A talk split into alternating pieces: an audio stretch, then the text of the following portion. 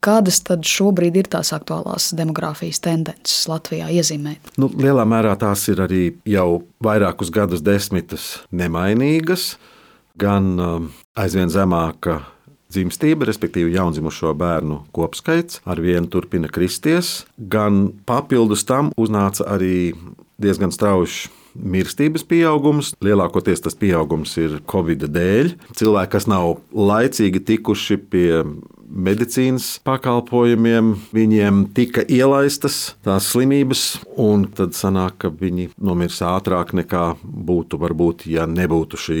Tas pasliktina viņu situāciju jā, vienkārši. Jā, tas pasliktina, ko, ko daudzos gadījumos vairs īsti nevar atgūt atpakaļ. Tā kā piedzimušo skaits mums uh, bija pērn mazliet virs 17,000.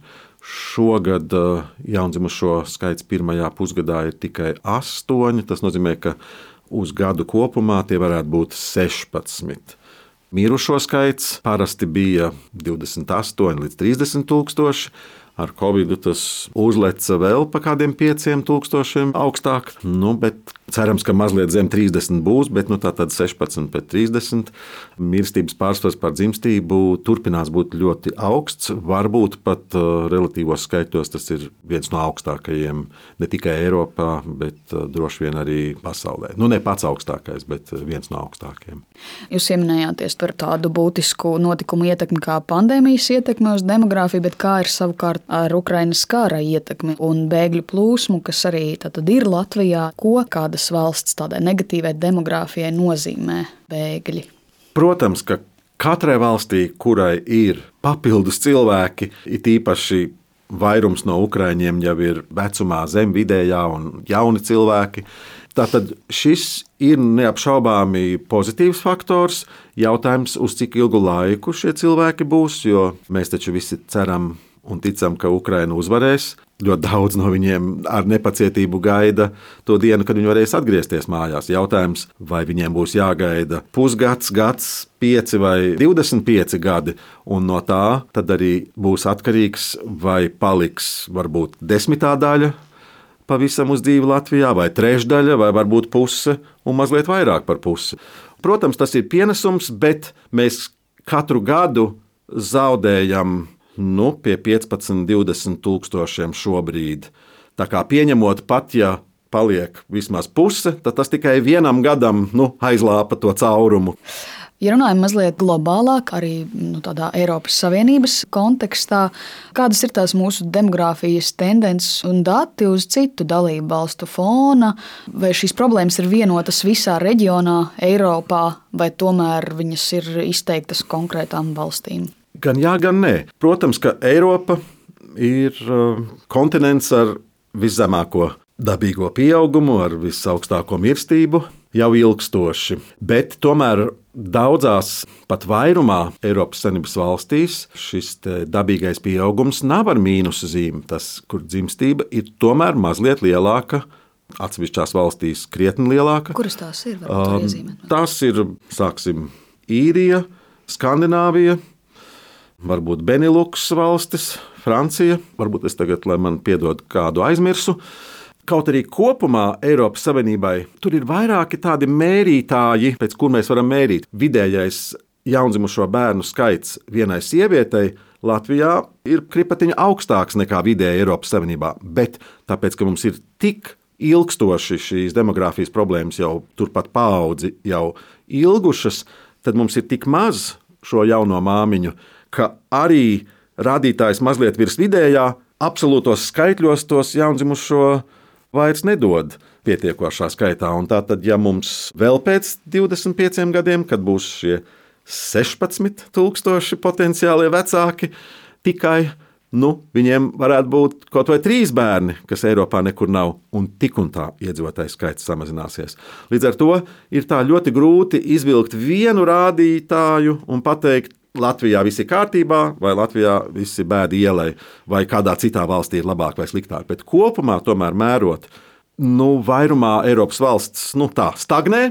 Bet šeit paturpinot par iemesliem, kas ir demogrāfu sabiedrībā biežāk apspriestie priekšnosacījumi, lai demogrāfija būtu pozitīva, lai nu, arī kaut vai runājot par Igaunijas piemēru, kāpēc tur tas ir labāk, kādi jūs secinājāt? Latvija ir viena no nedaudzām, cik man zināms, vienīgā valsts, kurā vispār ar šo lietu nenodarbojas. Pētniecība tikpat kā neeksistē nav kaut kāda nu, zinātniskā centra, kas teiksim, šo lietu. Tad, Bet kāpēc tiktu, tas tā ir? Nav nu, no valsts, zinātnieku puses jā, intereses, nē, vai nav vienkārši politiskās, politiskās intereses? gribas, nav finansējuma, kas ne tikai šai nozarei, bet visai zinātnē mēs esam pašā apakšā eh, sarakstā. Cik es atceros, pēc pēdējiem datiem tikai 0,7% no IKP ir tātad, eh, novirzīti zinātnē, kas ir pa kārtu mazāk kā vidējais. Un, un tā kā tas jau šis finansējums atkal ir jau vairākus gadu desmitus, tad pēc būtības mums arī Ja rītdien kāds paziņos, ka mums ir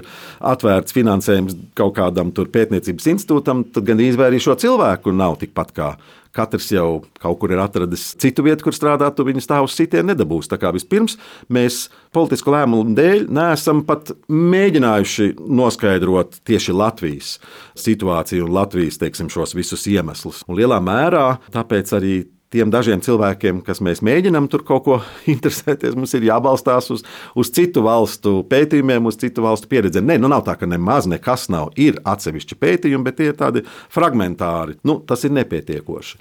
Lūk, un turpinot tālāk uz tiem priekšnosacījumiem, ļoti vienkārši valsts politikai ir jānodrošina, lai bērnu skaits ģimenē nesamazinātu tās labklājību jebkādā veidā, kā mēs šo labklājību palīdzam ģimenēm saglabāt, tas vienmēr prasīs naudu. Un to ir diezgan viegli nomērīt, cik liels IKP procents tiek ieguldīts tieši ģimenu atbalstam. Un, ja Latvija kādu laiku atpakaļ bija vienā no pēdējām vietām, tad mēs esam nu, atrāvušies no apakšas, bet mēs esam kaut kādā apakšējā trešdaļā, nu, kaut kādas 6, 7 vietas no apakšas ņemot vērā, ka Eiropas Savienībā vidējais tas būtu, ja nemaldos, 2,5% no IKP, tad um, nu, samērā pusotra procenta mēs tur nīkuļojam apakšā. Tā kā tas ir viens no galvenajiem iemesliem. Ir jācenšas, kā valsts politika tātad spēj saprast un mērķēti sniegt uh, šo atbalstu ģimenēm, kuras zaudē savu labklājības līmeni bērnu dēļ un nedod Dievs nonāk eh, nabadzības riska zonā. Un tur ir vislielākais risks nonākt gan viena vecāka ģimenēm, vientuļās māmiņas galvenokārt, gan daudz bērnu ģimenēm. Un tagad pamēģiniet jūs dabūt kredītu kaut kur Rīgā vai tās tūmā dzīvoklim. Kamēr ģimenē nav bērnu ar tiem pašiem ienākumiem, liela daļa varēs ļoti labi iegūt eh, šo dzīvokli kredītā ģimenēm, kam ir jau divi, nerunājot jau par trījiem, nu, praktiski tas lielākā daļai paliek neiespējami, kas viņiem būtu bijis iespējami bez bērniem. Tad šī būtu valsts nu, intervence, palīdzēt šādām ģimenēm nemaksāt dārgāk īres tirgu par savu mājokli, kur beigās viņi to naudu dāvina īpašniekam, bet izpirkt pēc gadiem 20, un tas ir viņa īpašums. Pie viena tas arī ir zināmā mērā šis īpašums, nu, tāds kā labvēlīgs ankurs šai ģimenei. Neaizpūst viņu pie pirmās eh, bezdarba krīzes kaut kur emigrācijā, bet šis īpašums palīdzētu viņus arī nu, savā ziņā noturēt. Un te varētu, mums ir, protams, altuma ļoti labas programmas, bet atzīsimies godīgi, ka tās palīdz turīgākajai daļai no ģimenēm ar bērniem, kuri jau kvalificējās uz šo kredītu. Savukārt, teiksim, tādam vidusmēra latviešu ģimenei, vai, vai var, varbūt vēl no laukiem kaut kur mazpilsētā, ir tikpat kā nereāli dabūt. Bankas negrib krāpēties ar tādiem maziem kredītiem, kas būtu nopirkt eh, sev trīsistabu dzīvokli Smiltenē vai aizputē, kas ir pavisam maza summa salīdzinot ar Rīgu. Un valstī ir jāizdomā veidi, kā viņas var bankas ieinteresēt caur papildus finanšu stimuliem.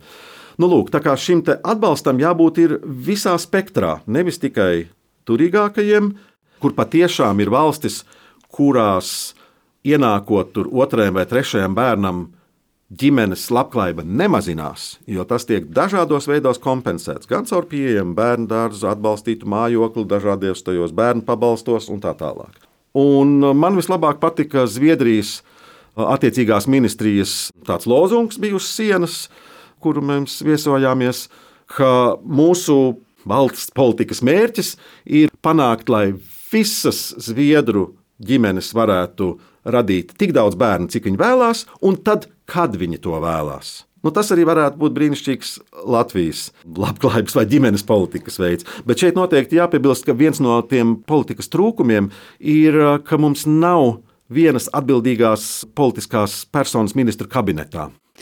Tad, ņemot šo visu vērā un atkal atkāpjoties tādā lielākā bildē, kas ir kaut kādi biežāk apspriestie scenāriji, ja runājam par Eiropas nākotnī, tieši šī dzimstības, mirstības attiecībā, kur mēs ejam, un arī attiecīgi jautājums, vai iedzīvotāju skaits var ietekmēt Eiropas Savienības nu, politiski ekonomiski veidojuma stabilitāti. Tas ir diezgan grūts jautājums, un atzīšos, ka galvenokārt tikai Eurostat ir man zināmās šeit nu, tās vispārīgās Eiropas Savienības un katras atsevišķas dalībvalsts šīs prognozes. Un šobrīd, kaut arī kopējais Eiropas valstu iedzīvotāju skaits no sākuma varbūt mazliet turpinās pieaugt, bet varbūt vairāk imigrācijas dēļ nekā dzimstības pārsvara pār mirstību bet tas nenovēršami pēc kaut kādas paudzes vai divām arī pasliktināsies un, un samazināsies. Un tas ir process visā pasaulē. Arī pēc simts gadiem Āfrikā nebūs šodienas dzimstība ar četriem, pieciem bērniem. Tur viņiem tāpat iestāsies šī demografiskās uzvedības maiņa, kas jau daudzās valstīs tur notiek. Eiropā tas pusmiljards kas mēs šeit, Eiropas Savienības plus-mínus, esam, 10% virs vai zem, apmēram tur paliksim arī nākošos simts gadus. Bet ir valstis, kas tātad saglabās šo stabilitāti, vai pat ir valstis, kas ļoti strauji pieaugs, Īrija, Luksemburga, vai mazāk strauji pieaugs, kā Ziemeļvalstis. Un ir valstis, kas varbūt mazliet kritīsies, tas iedzīvotājs skaits, kā Igaunija, un ir valstis, kas nu, bezcerīgi krīt. Latvija ar Bulgāriju, ja nemaldos, ir nu, līderis. Kopumā Eiropas Savienībā, nu, protams, caur iedzīvotāju skaita kritumu mazināsies arī ekonomiskā procentuālā ietekme uz pasauli. Ja, un, diemžēl, caur šo ekonomisko ietekmi patīk mums tas vai nē, nu nāks arī politiskā ietekme. Nu, domājot par Ķīnu, Indiju, kur jau tagad ir eh, divreiz un vairāk iedzīvotāju skaits, un kaut arī patreiz vēl liekas, ka tās ekonomikas eh, nav vēl spēcīgākas par Eiropas Savienību, Tas ir tikai laika jautājums, kad viņas kļūs spēcīgākas. Nu, Indija ir demokrātija, Ķīna nav nemaz. Jā, kopumā globālos tas noteikti ienesīs jaunus uzsvarus un varbūt jaunas draudus vai nestabilitātes. Bet mums Latvijā atkal ir vēl papildus cita problēma. Viens ir viss tas globālais iespējas, un tur pretoties būtu mazliet tā kā censties sauli aizsegt vai pretoties pasaules progresam, bet ir kaut kādā veidā jādomā, kā jaunos apstākļos, kas ne tikai šodien, bet pēc paudzes vai vairākām paudzēm būs mums pasaulē, kā tad Latvija saglabās savu latviešu saturu. Kādā veidā funkcionēs valoda, kādā veidā tiks saglabāta kultūra, tradīcijas, jebkas cits, ar ko mēs varbūt esam savādāki kā citi. Un tur patiešām ir daudz papildus jautājumu, bet nu, tas ir um, daudz pētījumu un daudz stundu diskusiju objekts. Paldies par sarunu! Lūdzu.